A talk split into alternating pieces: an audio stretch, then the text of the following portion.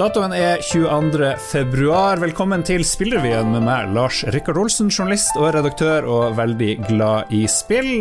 Si også hallo til Jon Cato Lorentzen, vår eh, spillekspert, tidligere direktør for Krillbite. Velkommen, Jon Cato. Jeg er fortsatt direktør, bare ikke i Krillbite. Ja, du er, nå er du kommunepamp. Du var borte forrige uke, du har vært litt sjuk. Hør mer om det i Lolbua, som kommer på onsdag. I eh, stedet skal vi fokusere hardt på spill og, og, spillpersonligheter fra Norge. Og vi har med oss eh, Solveig Møster fra Team Reptile. Hvordan har din vei vært inn i spillbransjen? Jeg, jeg, er 25 år. Jeg eh, har kommet på et punkt nå hvor jeg begynner å bygge opp karrieren min. Jeg tror for veldig mange så går en utdanningsveien inn i, inn i spillindustrien eh, med en med å gå på Noroff eller Westerdals eller Hamar sin eh, spillskole. Jeg gikk der da. Men før denne skolen så, så tror jeg da gikk jeg på Sunnhordland folkehøgskole og gikk spilldesign. Der får du muligheten til å komme mye mer hands on med spill vil jeg påstå, mye mer enn høgskolene. Og jeg eh, danna et uh, eget firma i lag med noen venner, en startup, og vi lagde Yearn Tyrants Conquest, som er lansert og uh, kan spilles på Steam. Hva var din vei inn i Team Reptile? Team Reptile var, var, veldig tilfeldig. Jeg var på vei på en fest eh, og så en Twitter-post fra dem at de skulle hyre ut en environmental artist med urbane spesifikasjoner. Eh, og jeg hev meg på mens jeg, jeg fant fram porteføljen min, eh, begynte å sende meldinger på vei inn til festen.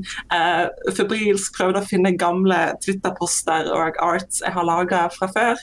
Eh, for dette var drømmestillingen. Jeg var, jeg var så gira når jeg så den stillingen. På det tidspunktet så søkte deg ny jobb, eh, og eh, desperat er jo en. Men når en ser noe som er så tilpasset sin egen stil og er et drømmeprosjekt. altså eh, Bare pga. Liksom, uttrykket, hva det betyr å jobbe på et spill som egentlig er en spirituell oppfølger til Jet Set Radio.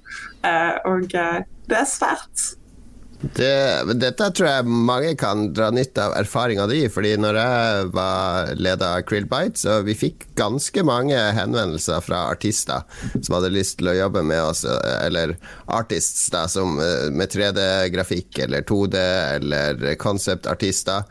Eh, som vi Altså 99% sier vi jo nei til, fordi vi har ikke råd og vi har ikke det behovet. Så hvor, hva tror du gjorde at du lykkes med å være rett person til denne jobben, og, og liksom få, få stillinga? Jeg, jeg, tror altså det, det, Veldig mange av vennene mine kjenner meg som en sånn Jet Set Radio-fantast. Det er egentlig et kultspill da, som har en kult following. Eh, og eh, jeg, jeg, vil ikke si jeg nødvendigvis alt jeg lager tungt inspirert av det. Men det har, det, det har, på en måte vært et spill som har definert min inngang inn i japansk eh, kultur, eh, arkitektur, eh, postmodernistisk arkitektur eh, og bare sånn hiphop og eh, fargerike stiler. Og det, det, Jet Set Radio står for noe som er litt unikt, som vi ikke ser mye i spillandskapet. Det er hiphopkultur eh, og hva skal du si sånn Nerder lager spill for nerder, og det er ikke så mye street-representasjon i, i spillmediet. da. Uh, og jeg, det, er noe, det er noe jeg føler Bombrush Cyberfunk bringer genuint fram. Dere, dere har ikke fortalt så mye om spillet fram til nå, men så vidt jeg kan skjønne, så kan dere dele litt mer. Hva er det, kan du fortelle litt bak spillet, og hva er det slags ny informasjon dere kan, kan komme med nå i 2021? Bombrush Cyberfunk er jo mer av en 3D-plattformer, da, eh, og som fokuserer på tricking, grinding og chaine-komboer, eh, sånn som Tony Hawk, men tar en mer 3D-plattformer-måte eh, i å du utforsker nivåene. Da. Det er mye større grad av utforsking. og Du kan si at spillet har en del av collectathon-elementer i seg. Og i stadiet i løpet av spillet så vil du møte mot vil du møte Enemy Cruise, som er representert av ulike stilarter i graffiti og dans og uh, uttrykk.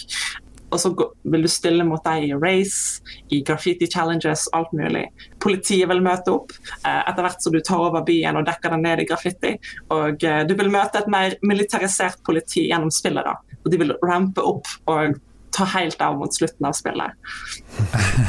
Så det, det, er et politisk spill, men det er et spill som ikke nødvendigvis prøver å si noe eksplisitt, men heller gjør det gjennom, gjennom grafikk og historien uh, i bakgrunnen politiske spill liker vi. Eh, jeg tenker Vi har jo snakka nylig om eh, det plutselig blitt inn, eh, eller det har vært det hele tida, å ta patent på sånne gameplay-ting og andre ting. Ja. Og når et spill ligner så mye på et Sega-spill, og liksom er en åndelig oppfølger, som du sier, er dette noe som er klarert med Sega, eller er det liksom fritt fram å bare la seg inspirere?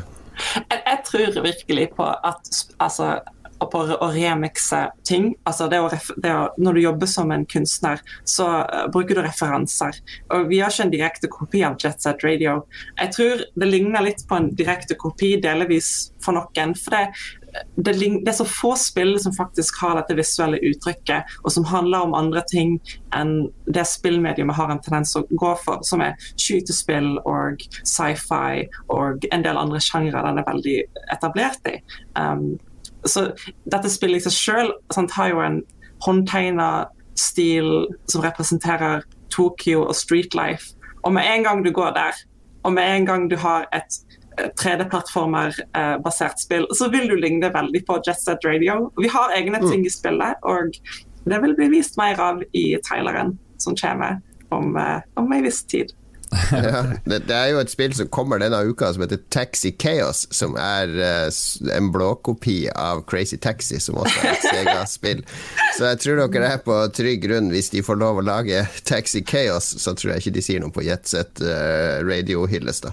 Nei, men de har jo virkelig lagt Jetset Radio død. Uh, og altså, hvem veit? Vårt største mareritt er jo hvis de sitter og jobber på Jetset Radio 3 nå i skyggene. Men jeg tror det skal gå fint.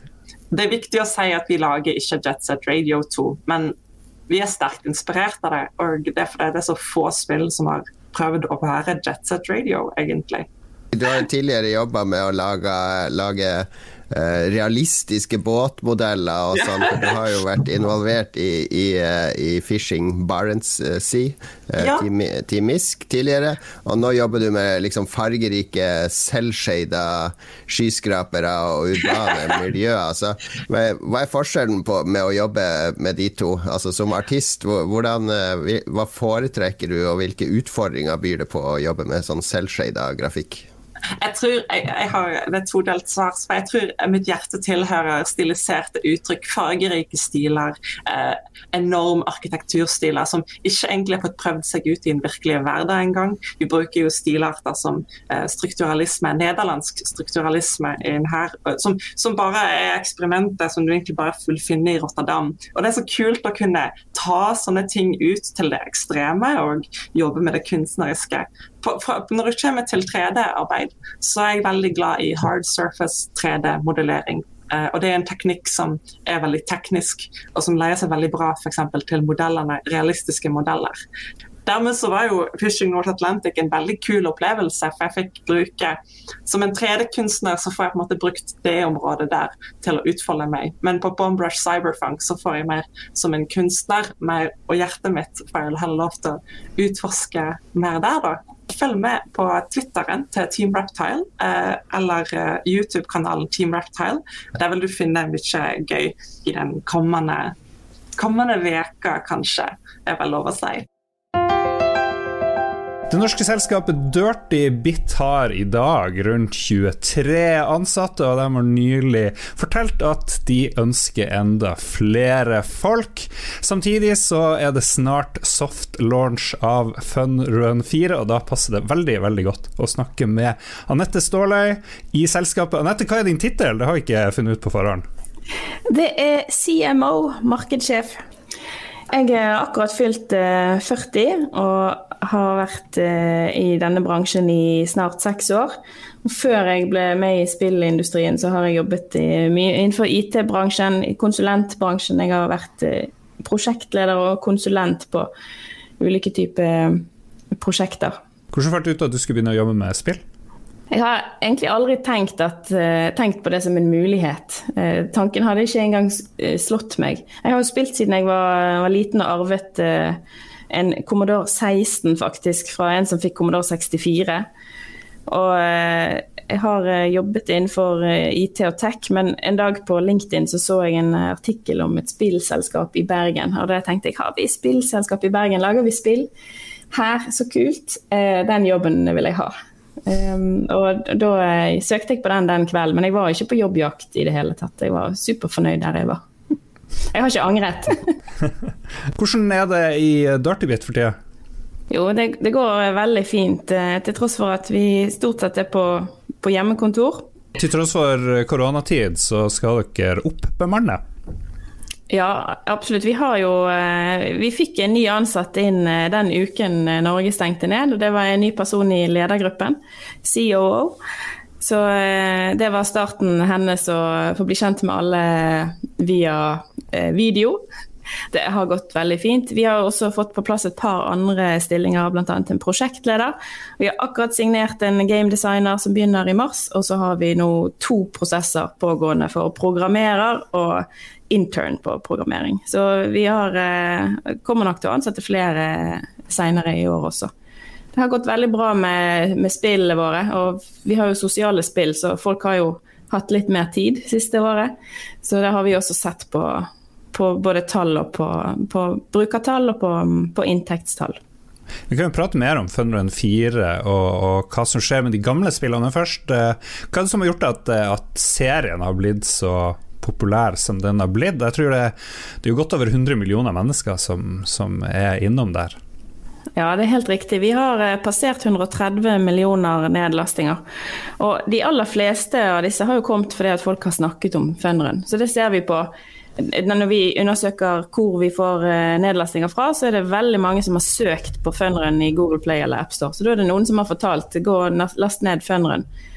Eh, det er jo et sosialt spill der man spiller sammen med venner, og vi tror at grunnen til at det slo så godt an eh, i det det ble lansert i 2012, var jo fordi at det var realtime multiplayer. Sant? Man kunne se vennene sine på skjermen samtidig, mens de spillene som stort sett var i AppStore på den tiden, var turbasert. Sant? Og måtte vente på, vente på, sin tur. Og så var det jo med lanseringen eh, sant? Designet på spillet var søte, søte dyre som hadde farlige power-ups, og det var ja, blogger og sånn inspirert av Happy, Happy, Tree Friends og Mario Kart. Og så har vi jo da, sånn, som, som, en naturlig del av utviklingen av merkevaren, så har vi justert litt på det og uh, treffer gjerne et enda større publikum uh, nå. Hva er grunnen til at dere lager oppfølgere i stedet for å viderebygge spillet som en plattform? Altså Sånn som Fortnite og andre typer spill, de, de, slipper jo ikke Fortnite 2, men de bare fortsetter å videreutvikle Fortnite eh, til noe nytt. Ja, det, det, er mange som eh, lurer på, inkludert mm, mange av våre brukere. Men eh, nå er jo det, selv om vi har gitt ut tre spill, så er jo de tre spill eh, skiller seg fra hverandre bl.a. på hvordan, hvordan, de ser ut og noen av spillmekanikkene. Men så er det òg sånn at uh, vi laget Funrun 1 i Det ble sluppet i 2012. Det, det, var et ungt, nytt team som ikke hadde laget De har laget ett spill før, Funrun var det andre spillet. Og vi har lært en del. Teknologien har endret seg en del. Vi har byttet plattformer. Sant? Funren 1 og 2 eh, var ikke bygget i Unity f.eks. Noe som har gjort at det har vært vanskelig for oss å oppdatere og videreutvikle på det. Så, eh, men så har jo Funren 1 og 2 spesielt vist seg å være veldig levedyktige, selv om vi selv om vi nesten har forsøkt å få, vi har forsøkt å få spillerne over på, på Funren 3, som vi som vi mente også ga en bedre spillopplevelse som var lettere for oss å vedlikeholde, men ikke minst at vi tjente mye mer per bruker. Opptil fire ganger mer per bruker. Da um, ønsket vi jo at folk skulle finne det, det nye spillet. Um, så så vi òg det at uh, vi konkurrerte med våre egne spill, for vi hadde alle ute i AppStore og Google Play. Og når folk da søker, så er det jo algoritmene som styrer hva folk ser. Og da er det veldig lett at de så først kanskje I Apple så var det kanskje en search ad på toppen, og så kom Funrun 1 og Funrun 2, og da ser man ikke mer i den første skjermen. Så må man faktisk scrolle seg ned for å finne Funrun 3. Så eh, vi gjorde noen tester i Tyrkia for å se om, eh, Sant? Er det det at folk virkelig vil ha Funrun 1 og 2, eller er det at de vil ha Funrun og de vet ikke helt hva de skal laste ned? Så ved å fjerne Funrun 1 fra Tyrkia, så gikk alle nedlastingene til Funrun 2. Og hvis vi fjernet Funrun 2, så fikk vi nesten alle nedlastingene til Funrun 3. Så det var bakgrunnen for at vi i 2018 da eh, valgte å fjerne fra butikkene. Men vi har hatt serverne oppe faktisk helt til eh, for en måned siden. Da, det, da stengte, vi, stengte vi de ned. Er det noe juridisk utfordrende hvis noen har brukt mange tusen kroner på cosmetics i spillet og ikke lenger får tilgang til de? Nei, vi har, vi har, jo en sånn terms of service som, som, som, regulerer relativt greit. Og så varslet vi jo da eh, i allerede i 2018 at fokuset vårt fremover kom til å ligge på Funneren 3. Det har ikke blitt gjort oppdateringer på Funneren 1 og 2 på, faktisk på mange år. Mm. Så, eh, og, og, før jul nå så varslet vi også at nå kom serverne til å bli stengt ned. Vi takket for mange fine år. og eh, vi laget samtidig et nyhetsbrev der man kan følge utviklingen på, på nytt spill. Så eh, vi, ja, det, dette er jo utforska landskap for mange utviklere som jobber med sånn games as service, og også noe som EU jobber med. Hvordan skal vi ivareta digitale eiendeler? Altså hvor, hvor mye hvor mye eier jeg det jeg kjøper i spill i forhold til spillselskapet. Så eh, dere er vel en av de få Dere og Funcom er vel de eneste i Norge som, som opererer innen dette landskapet. Ja, det er jo interessant, eh, et, et, interessant eh, tema det der. Og vi ser jo at brukerne våre er jo veldig engasjerte. Iallfall de som er hardcore og har blitt gjennom alle de årene til tross for ingen oppdateringer. Vi har jo sett folk har laget sånn petitions eh, med Update Funrun 2. Og veldig ofte på postene våre i sosiale medier så er det alltid noen som har, har kommet med den hashtaggen. da. Så, eh, men det er klart vi er opptatt av å kunne drive, drive forretning og vokse selskap og komme med nye, nye produkter som er mer måtte, tilpasset dagens uh, tech. Og, eh, så, så, med nytt eh, prosjekt nå så er vi jo veldig spente på nå når vi skal slippe det i, i noen land om ja, i en veldig kort tid. For uh, i, i, den finske, eller blant de store finske mobilspillselskapene, så er det jo ofte sånn at uh, soft launch da har man en del parametere som skal oppfylles før man eventuelt går videre til en ekte launch, eller man velger å vrake hele spillet basert på at man ikke får det til å fungere i soft launch. Er det en relevant problemstilling for dere? Det er en problemstilling som vi har med oss eh, gjennom alt vi gjør. For vi, vi jobber jo med, med nye, nye, konsepter og nye prototyper hele tiden. Vi har jo som mål å alltid ha gående R&D-avdeling som eh, jobber med ulike ting. Og det er ikke bare Funrun-prosjekter vi jobber med, men vi har også jobbet med prosjekter i Funrun-universet. Eh, vi hadde et spill som het Fun Royal, som vi softlaunchet eh, for en stund siden og økte flere, i flere land. Og vi hadde det jo veldig gøy med spillet sjøl, men eh, tallene var jo brutalt ærlige. Og vi fikk en liten sånn oppsving og ble litt, litt sånn lokket av tall som vi så i mars-april når folk ble, ble sendt hjem. Men eh, det var helt klart på talet vår at uansett hva vi gjorde for å forbedre, så klarte ikke vi å nå de målene vi hadde satt. Så eh, sant, selv om man da har investert veldig mye tid, vi har jobbet med varemerkeregistrering og, og investert eh, mye, så eh, er det den beslutningen som er den riktige, å skrape hele hele prosjektet. Og så har vi jo alltid, når vi kommer ut av en sånn Vi har drept, drept et prosjekt, vi, vi, gjør jo det uh, ofte. Så er det jo noe vi kan ta med oss uh, videre. Så vi pleier å gjøre en sånn uh, post mortem og se for å finne ut hva kan vi gjøre bedre til neste gang. Og ofte så er det jo noe tech som vi har jobbet med som vi kan bruke videre. Når det gjelder uh, Funrun 4, så um, er det et prosjekt som vi Det skal vi lansere. Så eh, der er vi innstilt på å justere det som eh, justeres må. Og så har vi jo veldig mye erfaring og tall fra tre andre spill i, i serien. Mm. Så vi er veldig ambisiøse og optimistiske. Sy syns også den ja, Jeg bare sier si det ferdig, Anette. vi har satt oss veldig ambisiøse mål for bl.a. med inntjening, som vi er opptatt av. Eh, for det er klart Skal du drive et eh, vekstselskap og kunne ha eh, trygge, trygge, arbeidsplasser i en bransje hvor det er hit and miss, så er vi jo nødt til å, å tenke det. Og vi har satt nå et mål for års, de neste to årene, og et av de målene er at vi skal softlaunche to spill i året. Og det er en ganske stor økning i forhold til det vi har, har hatt de siste, ja, egentlig siden, siden vi startet. Og vi har sagt som inntektsmål at inntekten vår skal være minst, ganger, minst to ganger høyere enn årlig kost. Sånn at eh, da er vi eh, opptatt av å, å se på sånn, hvordan skal vi eh, jobbe med å finne balansen mellom å tjene nok per bruker, sånn at vi kan i tillegg til å nå de som hører funderen gjennom vennene sine, nå de andre som, som, er og leter etter spill.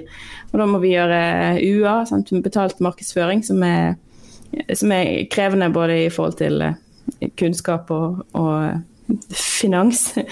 Eh, så det, det, er vi opptatt av. Um, også for å klare å nå disse målene, så må vi jo fokusere på å utvikle både nye og videreutvikle på de brandsene og IP-ene som, som, vi har. Og Funderen er jo det vi har lykkes mest med. Eller faktisk det eneste vi har lykkes med. De andre prosjektene har blitt skapet. Og så er det jo å skape en arbeidsplass som er at det er lett å si uh, 'great place to work', men vi er sånn lidenskapelig opptatt av det. Så vi har definert sånn, vi har skrevet, skrevet dette at vi har 'a really great place to work'. Så det er noe vi er, er virkelig opptatt av, å ha et høyt fokus på å skape en arbeidsplass som, som gjør at vi da klarer å eh, lage gode produkter, men å, å, også ha rammebetingelser rundt som gjør at vi klarer faktisk å lansere to spill i året i softlaunch. Og det kommer ikke til å bli lansert to spill globalt i året. Det, kan jeg, det er jeg helt sikker på. ja. Er, vi, er den norske spillbransjen eh, egentlig litt for dårlige til å, til å si nei til egne prosjekter, når man ser at eh, de kanskje ikke lykkes eller oppnår det man ville? Ja, jeg opplever gjerne det. At, eh, sånn som vi også ser, det er veldig lett å bli sjarmert av sine egne, sine egne, ideer. Det er også lett å bli blendet av, av, av hva man, man sjøl liker. For det, vi, fall hos oss, vi lager ikke spill til oss sjøl. Vi er ikke en representativ målgruppe, selv om vi er ganske forskjellige og har ulike aldersgrupper og sammensetninger så er, må man ut og teste produktene sine på brukere. For det er der den brutale sannheten eh, ligger. Og jeg tror det at det er veldig lett å bli sittende med de prosjektene man har blitt glad i, og så har man gjerne sant, investert masse, kanskje man har fått funding og man har eh, ja, gjort veldig mye, og det er vanskelig å gi slipp, og så tror man at man skal bare prøve litt til, så blir det kanskje bra. Men vi ser jo det òg at eh, selv med erfaringen vi har, og når vi har testet, selv om vi har testet på brukere, når vi slipper eh, spillet ut, uansett nesten hva sånn type småjusteringer vi gjør, så blir det ikke bedre. Så de eh, hvis, hvis vi har sluppet et spill ut i markedet og ser at det ikke funker, så vi kan prøve å gjøre litt sånn store flips på det, men ellers så er det å, å, innse tidlig nok, og der har vi fortsatt en del å gå på, innse tidlig nok at det er på tide å gå videre. Så jeg tror det at eh, i bransjen her i Norge så må vi være litt flinkere til å, å teste produktene ute i markedet. Og, og, gå videre til neste prosjekt. fordi at du vet, ikke, du vet hva du har brukt og hva du har satset, men du vet ikke hva du går glipp av ved å ikke gå videre. Sant? Rov eller Angry Birds er et kjempeeksempel på det. De laget jo mer enn 50 spill før de lykkes med, med Angry Birds. Og vi laget jo et spill eh, Det andre spillet, eh, spillet vi laget rett etter Funneren 1, det var Dino Dash. Og det skulle ta seks måneder. Og det var, vi gikk i alle feller, Vi brukte tolv måneder. og slapp det globalt uten å ha soft launch. og Det var egentlig et stjerneeksempel på hva, hvordan man kan gjøre det galt. Og så fikk, eh, fikk dere terningkast to av meg i Aftenposten. ja. ja. du var inne på noe der, eh, Jon Cato. Eh, men, men, det var litt sånn typisk òg. Etablere et nytt team. Hvordan jobber vi sammen? Hvem skal velge hva? Skal alle være med å bestemme, eller skal vi fordele litt uh, roller? Men uh, heldigvis, og dette var jo før jeg begynte òg, heldigvis var det noen som sa til slutt at nå må vi, nå må vi bare trekke dette spillet fra markedet begynne på noe nytt. Og så brukte de eh, mye av eh, tekken og laget Funrun 2 på under tre måneder, tror jeg. Klarte akkurat å lansere det før jul, og seilet inn som nummer to-app i USA. Ikke bare spill, men app. Og det, det er ikke sikkert at uh, det hadde skjedd hvis de hadde tviholdt på Dino Dash uh, en stund til. Så det er ikke sikkert at vi hadde sittet her i dag og snakket om uh, Dirty Bit. Jeg vet at veldig mange selskaper her i Norge sånn, strever med å få finansiering på plass. Jeg tror at investorer i større grad vil komme på banen hvis man viser at man tenker også forretning. Og, og eh, man må jo på en måte skape en forventning om at her, her er det penger å, å tjene. Sant? Enten som du skal bruke til å bygge videre på ditt eget selskap, eller som for å få inn en investor på banen for å finansiere eh, videre nye, nye prosjekter. Er det noe spesielt eh, folk i Norge må gjøre for å være med på softlaunchen, eller er det bare å følge med når det dukker opp på AppStore? Ja, man kan gå på nettsiden vår uh, dirtybit.com. Der har vi uh, en news-side der man kan signe opp et nyhetsbrev. Og der vil vi da slippe liksom, leaks fra, fra, spillet før vi annonserer det. Så det var der vi først lanserte at Funrun 4 kommer i 2021.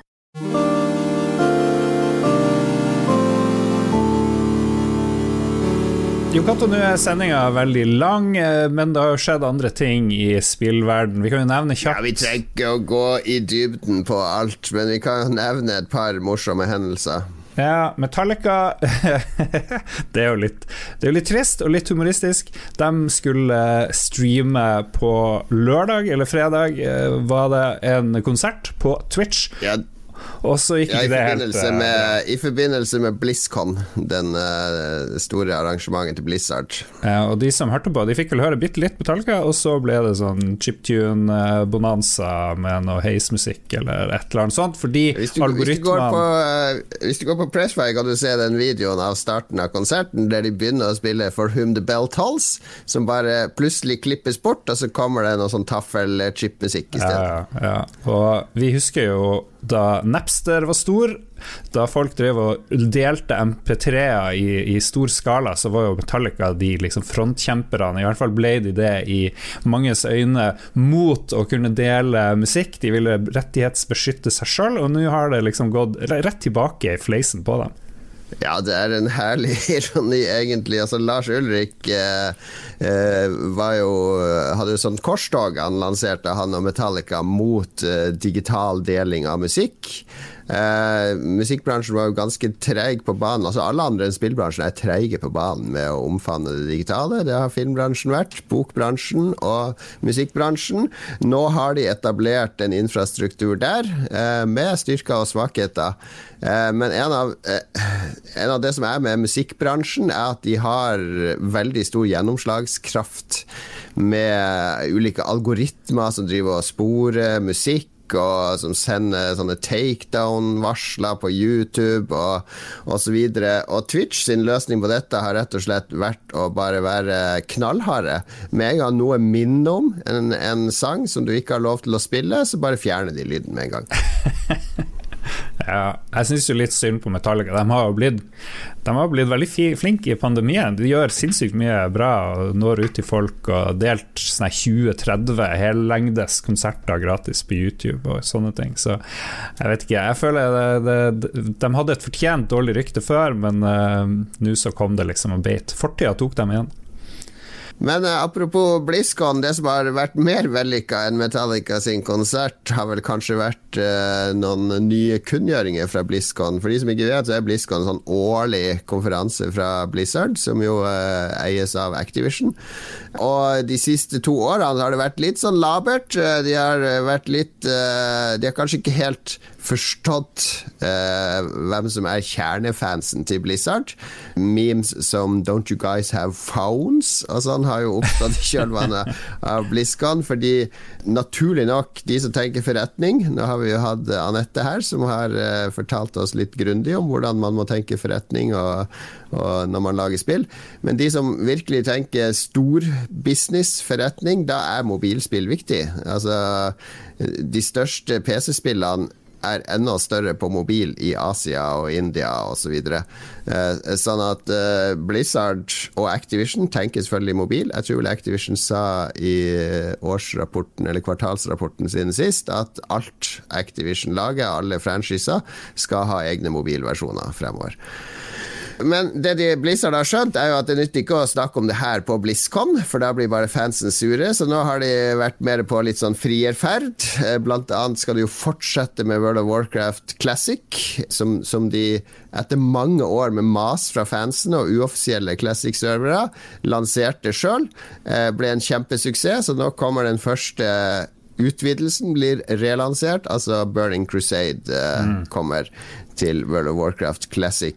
Ja, og så skal de vekke til live gamle klassikere, som man bl.a. spilte på Amiga, husker jeg. Lost Vikings er på vei. Rock'n'Roll Racing og Blackthorn. Aner ikke hva Blackthorn er. Ja, de gir ut en sånn der uh, arkadepakke eller noe sånt med de tre, de tre gamle spillene som kanskje ikke er de mest kjente Blizzard-spillene før, Warcraft. Tre Warcraft-spillene deres. Ja. Og så har de også vist fram en uh, remake av Diablo 2 det er litt sånn fallitterklæring på en måte. At de, de, de er ute på frierferd med Ja, det var dette spillet dere elska, her da skal dere få det på nytt. Eh, jeg syns det er litt rart at Blizzard er liksom vi, vi, lager, vi, gir ut World of Warcraft på nytt, og så gir vi ut Diablo 2 på nytt. Eh, ja, de det er jo en trend, da. Ja, men det, det, er jo tydeligvis penger her, da. Nå driver jo EA skal gi ut uh, Mass Effect på nytt, og så. Og Crash har kommet på nytt, og det er jo masse greier som kommer på nytt, så jeg tror det tror ikke det bare tror ikke det bare for å være snill, eller sånt. det er jo fordi de skal tjene penger. Jeg gleder meg til om ti år, om, om Blizzard gir ut World of Warcraft Classic Classic. ok. Uh, hver uke så ser vi på hvilke spill som er på vei denne uh, uka. Og i forrige episode så var det ingenting nytt uh, som jeg kunne finne. da var ikke du med, så det passer jo egentlig greit. Men du har klart å grave opp noen nye releases denne uka. Ja, jeg tenkte siden vi hadde med Solveig Å spille Bomb Rush Cyberfunk Uh, som jo er veldig inspirert av Jet Set Radio, så må vi nesten ta med at denne uka kommer Taxi Chaos fra Team 6 Game Studios, som er en ren rip-up av Crazy Taxi, som var et suverent bra Sega Arkadespill. Lettbeint, lettspilt. Hadde vel musikk fra Offspring og, og sånne ting. Kjempeartig spill, og det, det er blitt laga en ny versjon. ikke offisielt et Crazy Taxi-spill men, men i absolutt samme ånd. Ja, og 26.2 så kommer det et nytt Nintendo Switch-spill, eh, Bravely Default 2, som eh, vel, var vel en god suksess, det første spillet. Vått og grått ute, snø og kulde, og mørketida er fortsatt uh, over mye av landet. Så et uh, digert 100 timers rollespill på Nintendo Switch er kanskje medisinen fra legen. Da sier vi tusen takk for din oppmerksomhet, og hvis du er på linje med f.eks. Anette og Solveig har lyst å dele historier fra norsk spillbransje eller relaterte områder, så må du bare ta kontakt med Jon Cato eller meg. Har du noen gode råd til våre lyttere til neste mandag, når ny episode av Spillrevyen kommer ut? Ja, nå er det bare to og en halv uke til spillprisen, som vi i Spillrevyen skal uh, streame og arrangere. Så jeg håper du vil være med og se på der. Ja, 4. mars klokka 19 er vi klar med spillprisen. Hvis du vil høre mer av Jon Cato og meg sjøl, så kan du lete opp Lolbua i ditt podkastprogram. Hvis du har lyst til å støtte oss, så kan du gå på Patrion og gjøre det. Der kan du også støtte Pressfire, som vi lager Spillrevyen i samarbeid med. Vi snakkes om en uke. Ha det bra.